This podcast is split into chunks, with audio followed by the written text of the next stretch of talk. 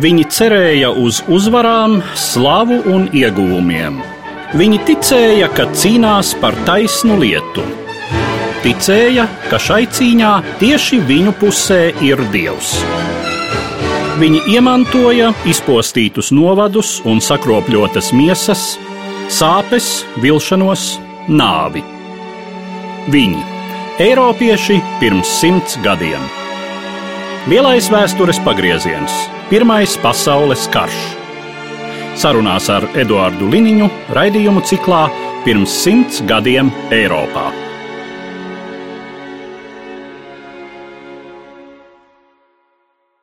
Labdien, cienījamie klausītāji! Šodien mēs atkal atgriežamies pie Pirmā pasaules kara notikumiem, un mani sarunbiedri studijā - kara muzeja pētnieki, vēsturnieki Ilze Krīgere un Dagnis Dedumietis. Labdien! Labdien! Labdien.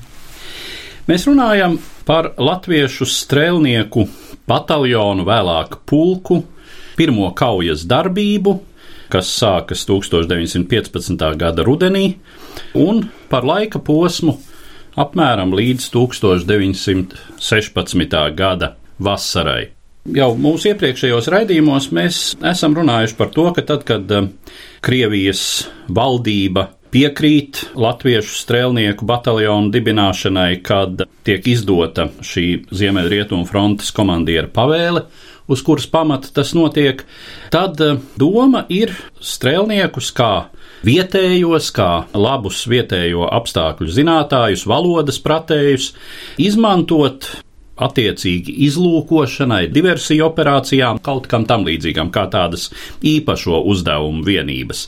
Kā zināms, vēlāk notiek taktikas nomaiņa strēlnieku sakarā, un viņus sāk izmantot kā regulāras kaujas daļas. Kad un kāpēc šī izmaiņa notiek? Nu, īsti jau viņi arī no paša sākuma nav tikai kā izlūku un sakaru vienības, kā tas bija paredzēts, bet kā regulāras armijas vienības, kā triecienu vienības, viņas arī sāk izmantot tikai pēc 16 gadu pavasara. Līdz tam laikam izmantoja ne tikai sakariem, bet arī, protams, kaujās 16. gada martā, kaujās pie ķekavas, bet izmantoja nevis visu bataljonu, bet tikai atsevišķas rotas, sadalīja pie Krievu pulkiem, pie komandēja tādā veidā tas bija.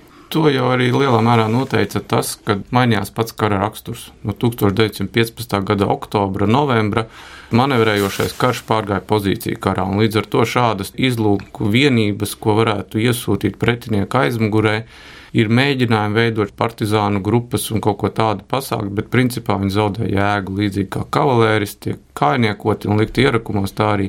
Jebkuras tāda veida rakstura darbības ar šo pozīciju kara sākšanos beidzās, Un uh, vienīgais, pēc kā ir nepieciešamība, pēc kājnieka, kurš sēž ierakumos un, protams, arī izlūkdarbību veids. Tad šī ir tā latviešu strēlnieku niša, kur viņi arī visvairāk izpaužās šajā laika posmā no savas izveidošanas līdz lielākajām kaujām 16. gada martā, jūlijā.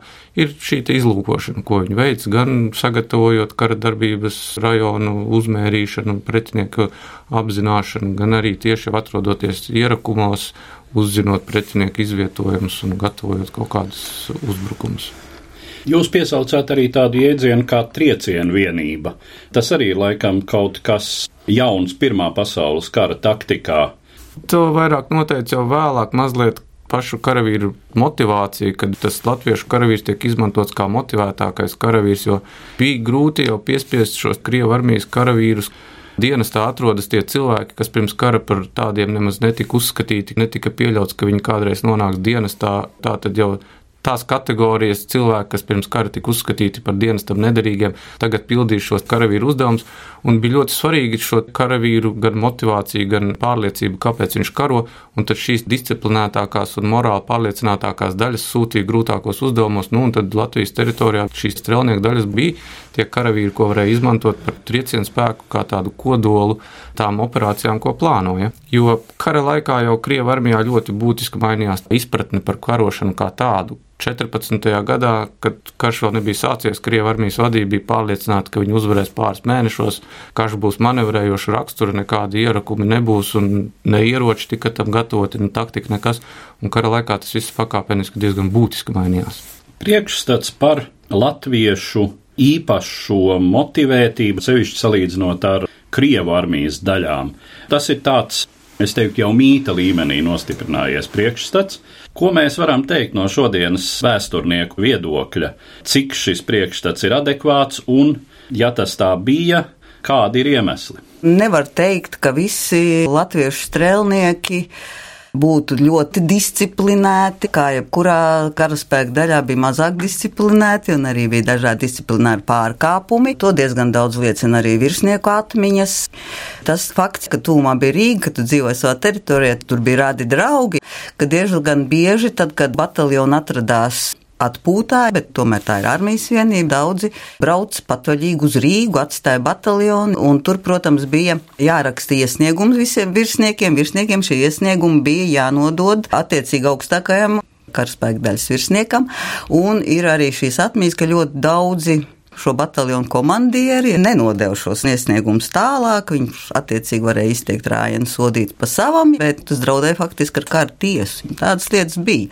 Kaujas laikā gan arī ir aprakstīts, ka visi šie puiši atgriezās. Ir pat tādas atmiņas, ka puisis, kurš visu laiku brauc uz Rīgu, ja viņš ierodās atpakaļ bataljonā, tad tuliņ, tuliņ būs jādodas uz fronti. Tad tāds ticējums bija. Bet, protams, ka ir motivācija, un tas patiešām ir pašsaprotama motivācija cīnīties savā zemē, jo ļoti daudz daudziem bija gan ģimenes devušās bēgļu gaitās. Tātad šī ir vissvarīgākā motivācija. Neko jau nezināja, tas visstrakāk cilvēkam ir šī neziņa par saviem tuviniekiem un daudz šīs lietas. Tāpēc arī bija tā doma ka viņi cīnās par savu zemi, par savu māju, par savu ģimeni.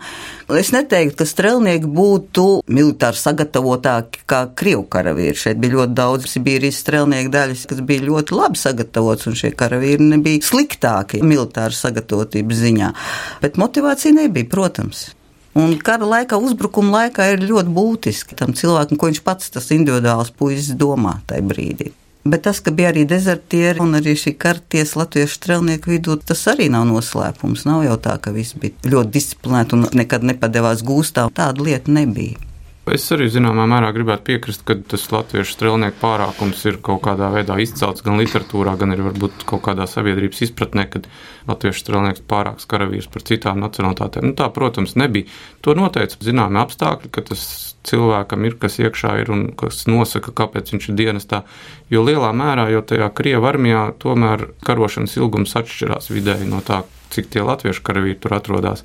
Un tā neticība Krievijas armijas spējām ir zināma jau pašu karavīru vidū, jo tās karaspēka daļas, kas šeit Latvijā karo, viņas jau ir savu personāla sastāvu vairākas reizes nomainījušas, kā rezultātā tomēr tas kaut kādā zināmā mērā iedragā to cilvēku ticību tam, cik kaut kādi uzbrukumi vai kas spēja kaut ko panākt. Un ir arī atšķirība tādā ziņā, ka tā disciplīna jau saglabājas karaspēka daļā. Viņa tiek uzturēta ar fiziskiem sodiem un citādiem veidiem.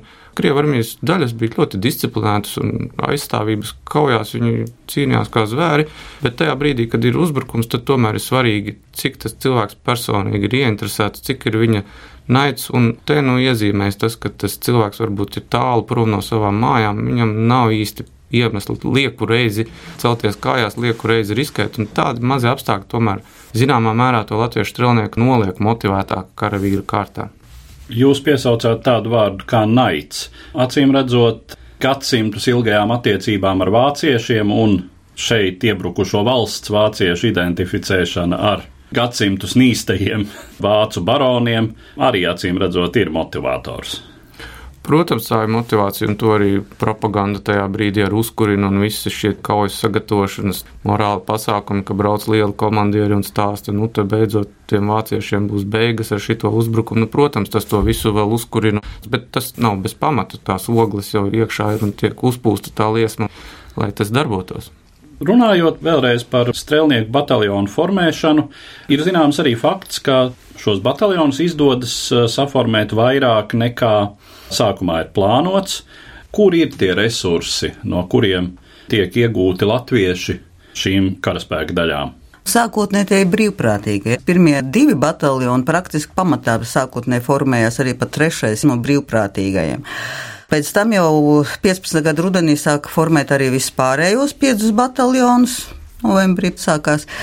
Redziet, daudz brīvprātīgi šeit iestājās sakarā ar to, kad arī 15. gada augustā bija tieši paredzēta vispārējā atkal mobilizācija kārtējā Krievā armijā, ja, un ja nenosūtīt uz Krievu daļām un karot jau ne jau tā kā pie Rīgas frontē, viņus varēja nosūtīt arī uz dienvidiem un visur, kur. Protams, ka gribējās karot savā vidē, un te ir arī tas, ka ļoti daudz bija šie brīvprātīgi. Vēlāk arī sāk pārcelt, ja, jo bija izdot šis uzsaukums visiem, nu, Krievu daļām, iespējams rakstīt vēstules Latviešu Tarnieku batonu organizācijas komiteja ar lūgumu pārcelt. Ļoti daudz arī šīs vēstules ir saglabājušās mūsu arhīvos, kur ir arī šī motivācija. Es gribu karot mājās, es gribu karot ap savējiem.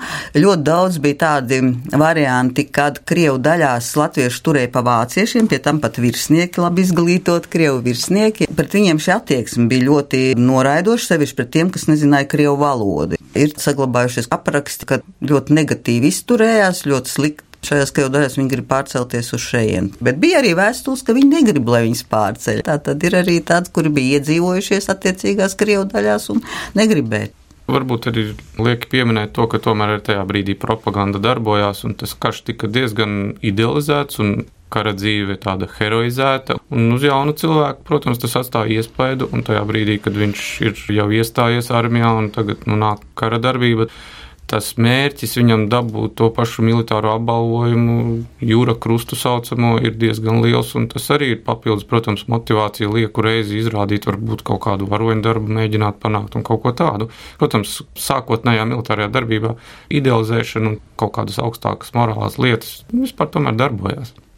Ko mēs varam teikt par šo daļu statusu, nerunājot par konkrēto izmantojumu kara darbībā, bet vai no Krievijas armijas vadības viedokļa šīs daļas tika uztvertas kā kaut kāds elitārs karaspēks, kas varētu izpausties apgādē, ieroču kvalitātē vai kā tam līdzīgi? Noteikti nē, jo ar apgādi sevišķi bija grūti pašā sākumā. Par to liecina Latvijas strēlnieku organizācijas komitejas dokumenti, ka apavu pamatā nebija.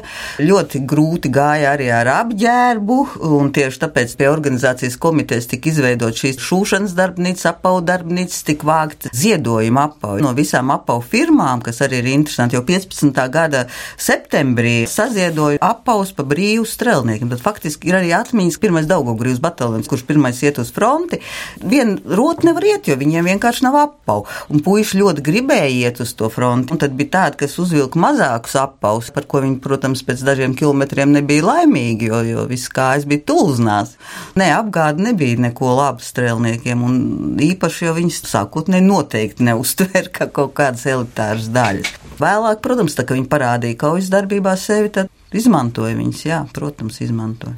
Vai šīs sākotnēji pastāvējušās bažas par latviešu uzticamību, kā ir ar tām tālākajām kaujas darbībām? Tās bažas jau bija vairāk tā cara galmā, ne jau virsnieku vidū, noteikti nē, un nav tādu faktu, kas liecinātu, ka Krievu armijas virsnieki, kas atradās šeit, šajā teritorijā pie Rīgas, ka kāds nebūtu uzticējies vai izteicis pat kaut kādu domu, ka nevar latviešiem uzticēties. Tāda lieta nebija. Tas vairāk bija civilie galms un varbūt arī lielā mērā vietējā civilā pārbalde, žandarmērijas priekšnieki, kas šeit bija, tiem bija tā neusticība vairāk. Kas nebija frontē? Ir kaut kādi materiāli, protams, kas liecina par personīgu attieksmi, atmiņas par atsevišķu ģenerālu ģenerāļu attieksmi ne tik daudz tieši pret latviešiem, cik vispār kā pret citautiešiem. Tā tad ir tāda pārākuma apziņa. Bet tās tādas lietas, ko nu, vēsturiski īsti ir grūti pierādīt. Tas ir tikai emocijas, kas ir pierakstīts atmiņā un cilvēka priekšstats tajā brīdī par to situāciju. Un, un tagad pateikt, ka tur ir bijusi tāda situācija. Tie apstākļi sagrupējušies tāpēc, ka tam ģenerālim nav patikuši latvieši, un tāpēc viņš viņus ir sūtījis tur sliktākā vietā uzbrukt. Nav tādu dokumentu.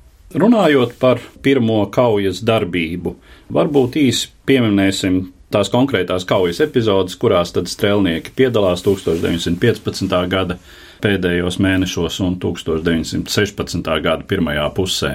Ir tās pirmās kaujas 1915. gada oktobra otrā pusē un novembra sākumā, kad pirmais bataljons tiek sadalīts par otām un cīnās pie Kraslovsku mājām. Tā pirmā sadursme, kur ir pirmie zaudējumi un slavenais kapteiņa brieža uzbrukums pie veisiem un pie plakaniem, kad kā strēlnieki raksta, viņi atgriežas mājās un uzzina, ka viņi jau ir kļuvuši par varoņiem. Un pamatā, lai ar viņas literatūrā tiek sauktas par kaujām, tās ir izlūkdarbības. Pirmā kara laika izlūku vienību darbības, kas izvēršas kaujās. Un tā arī pārējās vienības, kas tiek iesaistīts gan otrais bataljons, gan vēlāk ar trešais bataljons cīņās par ķemeriem un pie ķemeru purva.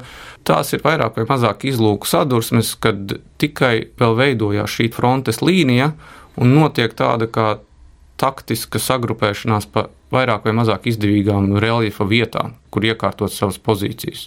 Bieži vien šīs armijas atrodas viena no otras vairāk kilometru attālumā, un tad šī starpfrontes zona ir tā vieta, kur nu, šīs izlūku vienības līdz pat rotas sastāv, un tā tad vairāk kā 200 karavīri iesaistās šajās izlūku sadursmēs, kur atsevišķos gadījumos pat artērija tiek pievilktā, tad izvērš šit kā liels kaujas, bet tā tomēr vairāk vai mazāk ir izlūku vienību darbība, kas vairāk saistās ar taktiskiem uzdevumiem. Ko mēs varam teikt par strēlnieku pretiniekiem, proti, par vāciešiem? Arī tāds diezgan populārs priekšstats, ka tomēr kaujas spējīgākās vācu daļas atradās rietumu frontē un šeit, austrumu frontes ziemeļu galā, bija salīdzinoši vājākas, varbūt no zemesargiem formētas daļas vai tam līdzīgi. Tas arī varbūt ir mazliet pārspīlēti, jo Vācieši savas karaspēka daļas sakarā ar to, ka viņiem trūka dzīvā spēka resursu, viņi ļoti ātri iemācījās ātri pārvietot. Un to viņi izmantoja gan būvēja savu šausliešu dzelzceļa tīklu, lai to varētu nodrošināt. Un tajā brīdī, kad bija nepieciešams, viņi ļoti ātri sakoncentrēja spēkus, un tajā brīdī, kad nē, viņi šos spēkus atvilka, atstājot mazāk svarīgas daļas. Un tajā brīdī, kad 15. gadā notiek uzbrukums Viļņai, kad paredzēts nosegt šo uzbrukumu kreiso flangu un tiek ieņemta kurzem un zemgale, šeit darbojas lielas karaspēka grupas. Tajā brīdī, kad šis virziens kļūst otršķirīgs, šeit atstāja mazāk karaspēku un ne tik labu, varbūt ne pirmās šķiras. Bet katrā ziņā tas nav uzskatāms, ka tāpēc šeit ir paši pēdējie, ko nu varēja salasīt, atstāt. Jā, viņi uzturēja maz karaspēka, mobili, viņu centās pārvietot, bet to, ka viņi bija kaut kādi īpaši sliktākie, tā noteikti nav. Vai pretinieka pusē var teikt, ka latvieši pēc kāda laika arī tiek pamanīti, iegūst kaut kādu reputāciju? Tas atkal ir jau tā uz mīta robežas par to, ka vācieši kļūst ļoti nervozi, tad, ja uzbrukumā nāk latvieši. Tas varbūt vairāk attiecās, kur ir zināms, kur ir latvieši, tas ir nāvis sala, piemēram, kur skaidri gan viena, gan otra puse zināja, kas viņiem pretī. Bet tu noteikti nevar pateikt par 15. gadu kauju operācijām, kad formējās šīs latviešu vienības. Vācu spiegu kurā starp citu arī darbojas daudz latviešu, tika algoti. Aparāts jau zināja iepriekš, jau 15. gadā. Viņiem tikai nebija absolūti nekāda priekšstata, ka mums muzejā ir šādi dokumenti par šīm izlūkošanas atskaitēm vācu puses, kad viņi bija domājuši, tas milzīgs kvantums. Sākotnēji vairāk tur tiek rakstīts, ka jau Rīgā ir vairāk par 300 tūkstošiem brīvprātīgo, kas formē latviešu vienības.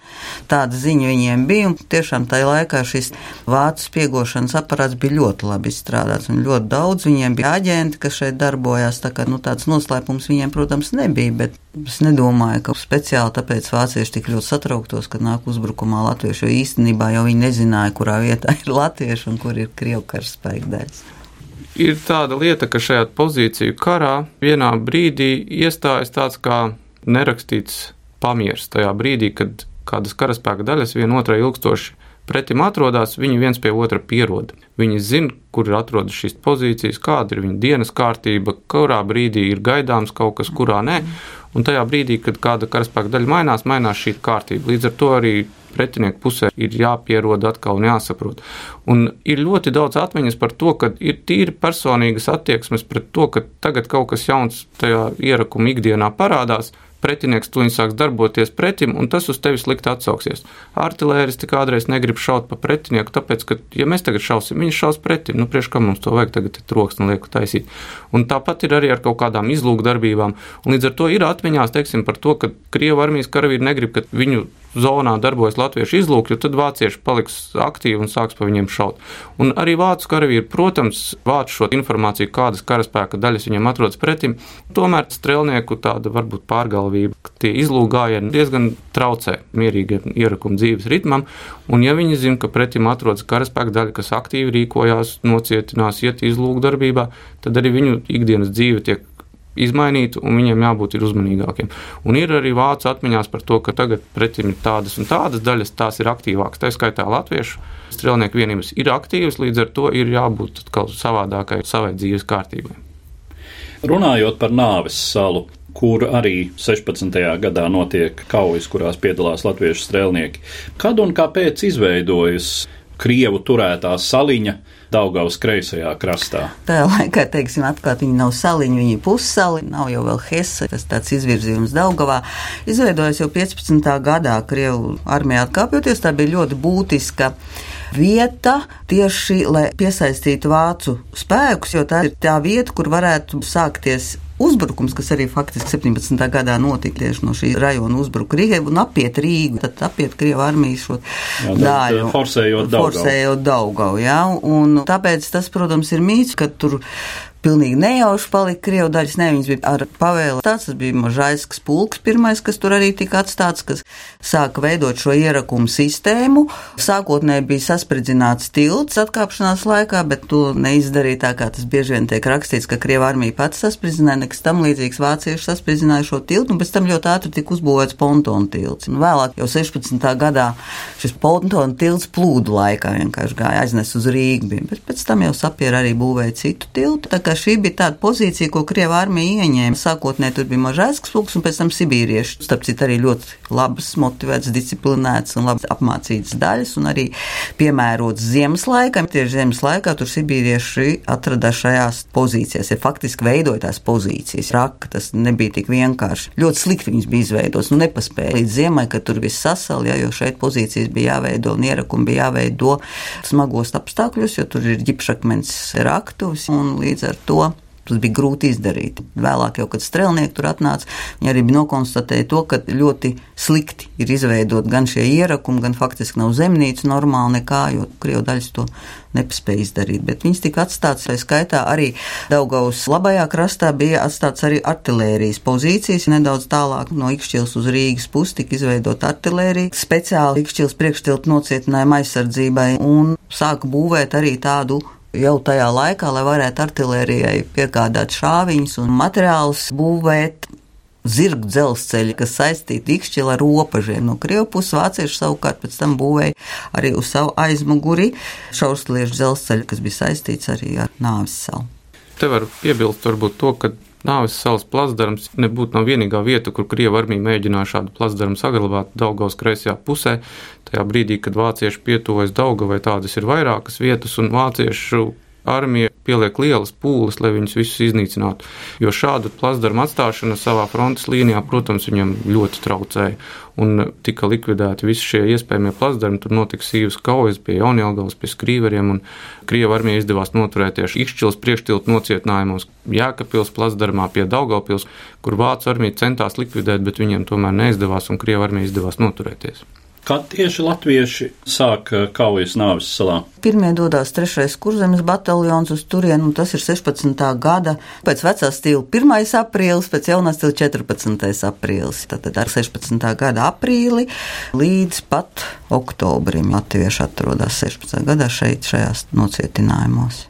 Ko mēs varam teikt par eh, šo kauju specifiku nāves salā? Nu, jūs jau bildāt, ka vācieši šeit uzbrūk intensīvi cenšoties placdarmu likvidēt, kāda ir tā kaujas specifika un kas ir pamatā dramatiskajam nosaukumam, kur šī vieta ir iegūsta, tātad nāves sala. Es domāju, ka paši strēlnieki ir šādi nosaukuši šo vietu, jo tieši tad, kad sākotnēji nebija tilts. Vienīgais tas ceļš, kas bija no Ikšķils uz Nāvis salu, bija kuterīši, bija pieci kuterīši, kas pārvadāja lielu laivas. Vēlāk arī sapieri ļoti ātri uzbūvēja pontonu tiltu. Vācieši visu laiku centās šo tiltu saspridzināt. Pārvietoties varēja tikai pa naktīm, jo vācieši arī no flangiem mēģināja Daugavā ielikt mīnu lauku, ielika mīnas, ko veiksmīgi strelniekiem izdevās arī šīs mīnas likvidēt. Vāciešiem šis manevrs neizdevās apiet no aizmuguši no Daugavas. Faktiski dienas laikā, protams, ka neviens nevarēja pārcelties pār Daugavu. Viņi visu laiku nemitīgi vācu artilēriju apšaudīja. Tāpēc ir nāvis saldienas laika, nekur atkāpties nav. Tā kā jāsēž šajās pozīcijās, un pozīcijas arī šī izbūve bija diezgan smaga, arī fiziski smaga, jo tur nav tā kā mīkstā zemē, tur jākaļ šīs ejas jātājas pozīcijas. Otra lieta arī, ka nebija koku materiāli. Arī interesanti tas, ka viņi pieveda materiālus, lai būvētu pozīcijas. Pieveda pāri pa Daugo, pa naktīm, pieveda koku materiālus. Uzbūvēja arī kabeli, telefonu kabeli pārvilku pāri Daugavai, kas savienoja arī ar attiecīgi jau manis minēto artilēriju. Un tātad arī koriģēšu artilērijas uguni, ka tas bija nepieciešams. Ko mēs varam teikt par reakciju uz strēlnieku pirmajām kaujas operācijām, uz pirmo kauju pieredzi latviešu sabiedrībā aizmugurē? Kāda ir tā rezonance? Sabiedrība jau no paša sākta gala ļoti aktīvi iesaistījās un rūpējās. Tad, kad jau dibināja bataljons, dāmas komitejas tika veidots, kas šuva un apgādāja, gan bija vākt līdzekļi, kas tiešām ļoti daudz deva. Arī laikrakstos tika reklamēti visi šie Friedrika Brieža izlūgājieni, arī dzen, sabiedrība rūpējās kā par savējiem. Gan literāti, gan žurnālisti. Uz to pašu nav savu kādu laiku tur tupiņš dzīvoja, tāpēc uzrakstījis viņš ir pēc kara jau gan, protams, savu grāmatu par nāvi, savu porieti tāpēc cilvēki ļoti aktīvi un lepojās ar saviem karavīriem, protams. Un līdz ar to varbūt arī tas bija tāds sabiedrību vienojošs faktors. Beidzot, bija par ko rūpēties, kas atrodas šeit pat uz vietas par saviem puišiem. Lielā mērā tas bija arī tīri nacionāli vienojoši. Sākotnēji mēs zinām, ka pastāv šis motīvs, ka latvieši tagad tā sacīt, stājušies zem saviem karogiem, būs tie, kam izdosies patriekt vāciešus no kurzemes. Cik šis priekšstats ir stiprs sākumā, un kad kļūst skaidrs, ka tas tā nenotiks visdrīzāk, un ka kurzeme nav tik vienkārši atgriežama. Tas jau līdz pirmām kaujām tas priekšstats jau diezgan ātri pazuda, kad šīs uzvaras nenāca. Un 16. gada kaujas, nu skaidrs, ka ne jau viena latvieša var atbrīvot kurzemi. Bet cerība vēl bija pat līdz Ziemassvētku kaujām. Šajos karavīros bija šī cerība. Domāju, ka virsniecība un vispārējie ļoti labi saprata, ka šīs operācijas nedos šo tādu rezultātu, kāds ir viss kurzems atbrīvošana. Cerēja vienmēr, jā, cilvēki. Es domāju, ka visu arī 16. gadu domāju, ka varēs ar uzbrukumu izmainīt. Noteikti tā cerība saglabājās, manuprāt, visu kara laiku, mm. kad tas viņu ieguldījums kaut ko mainīs par labu. Un uh, to noteikti noteica tas, ka tas karavīrs jau neko daudz nezināja. Jebkura operācijas plānošana nozīmē to, ka tas ir viss slepens. Un tam karavīram neviens neteica, uz kurien viņš iet un kas tagad viņu sagaida. Viņam ir pavēle celties kājās un iet, un tad tikos un tikos uzbrukt, un viņš to dara. Pēc tam jau, jā, tad, kad rakstīja atmiņas, tad jau tas uz kartes tika sazīmēts. Bet tajā brīdī tas cilvēks bieži vien tā pārvietošanās notiek naktīs, viņš pat īsti nezina, kurā vietā viņš uzbruka un, un kā tur tas viss izskatās. Un arī zemākā virsniecība sabiedrība nebūtu nesaprata šo operāciju apmērus vai izkārtojumu un nezināja, kas tur īsti piedalās un kā. Līdz ar to, protams, tā cerība bija, jo bieži vien pirms tādiem lielākiem uzbrukumiem, gan pirms marta, gan jūlija kaujām, brauca ar divīziju korpusu, pat armijas komandieri, apskatīt vienības, uzrunāja karavīrus, stāstīja kādi nu, tagad lieli panākumi viņus gaida, tūlīt, tūlīt atbrīvos kurzem un zemgali. Un, protams, viņš ticēja, ka tas viņa ieguldījums, kad viņš tagad tur agrā rīta stundā lauž vācu dzelendrātiem cauri, ir viens mazs darbiņš, lai to visu pietuvinātu. Līdz ar to tā cerība noteikti bija, bet tos apmērus. Tos mēs tagad redzam, vēstures grāmatā lasot, kā uz kartes tas izskatās. Tam karavīram jau tāda saprāšana noteikti tajā brīdī nav. Tās ir varbūt tādas divas lietas. Viens ir augstākais skatījums, ko tas cilvēks tajā brīdī grib un var saskatīt, ka viņš cīnās pret kaut kādu slikto, un otra lieta, ka viņš visu laiku saskarās ar tām ikdienišķām grūtībām. Ir purvs, kurā viņš atrodas, trūkst ekipējuma, trūkst ieroču, trūkst munīcijas, artilērija viņu neatbalsta. Visas tās krievu vienības, kas viņam ir riņķī, viņus nodod. Un ir tāda, zinām, protams, visu laiku vilšanās sajūta tajā, bet ir tā motivācija, ka nu, ar to savu pienesumu tomēr kaut kas mainīsies un būs. Un tas tiešām saglabājas, latviešu strelniekiem grūti pārmest to, ka viņiem tajos cīņu karstākajos momentos kaut kas tāds trūkst. Jā, disciplīna, klibo nepārtraukti ir šie brīvsoļi un viss kaut kas, bet tas frontes daļās ir visās armijās un visās nācijās, ka tās karaspēka daļas, kas karo, tur ar disciplīnu ir kā ir. Par eh, tālāko strēlnieku kaujas darbību, arī par kaujām Nāves salā un, protams, par Ziemassvētku kaujām 1917. gada sākumā mēs runāsim mūsu turpmākajās sarunās, bet par šo sarunu, kas bija veltīta latviešu strēlnieku pirmajai kaujas pieredzēji 1915. gada beigām, 16. gada sākumam, es saku paldies maniem sarunbiedriem, kara muzeja pētniekiem Ilzē Krīgerei un Dagnim Dedumietim. Ticība un cerības vilšanās un nāve, zaudējumi un ieguvumi. Pirms simts gadiem Eiropā. Raidījumā šīs dienas acīm sarunājamies par Pirmo pasaules karu.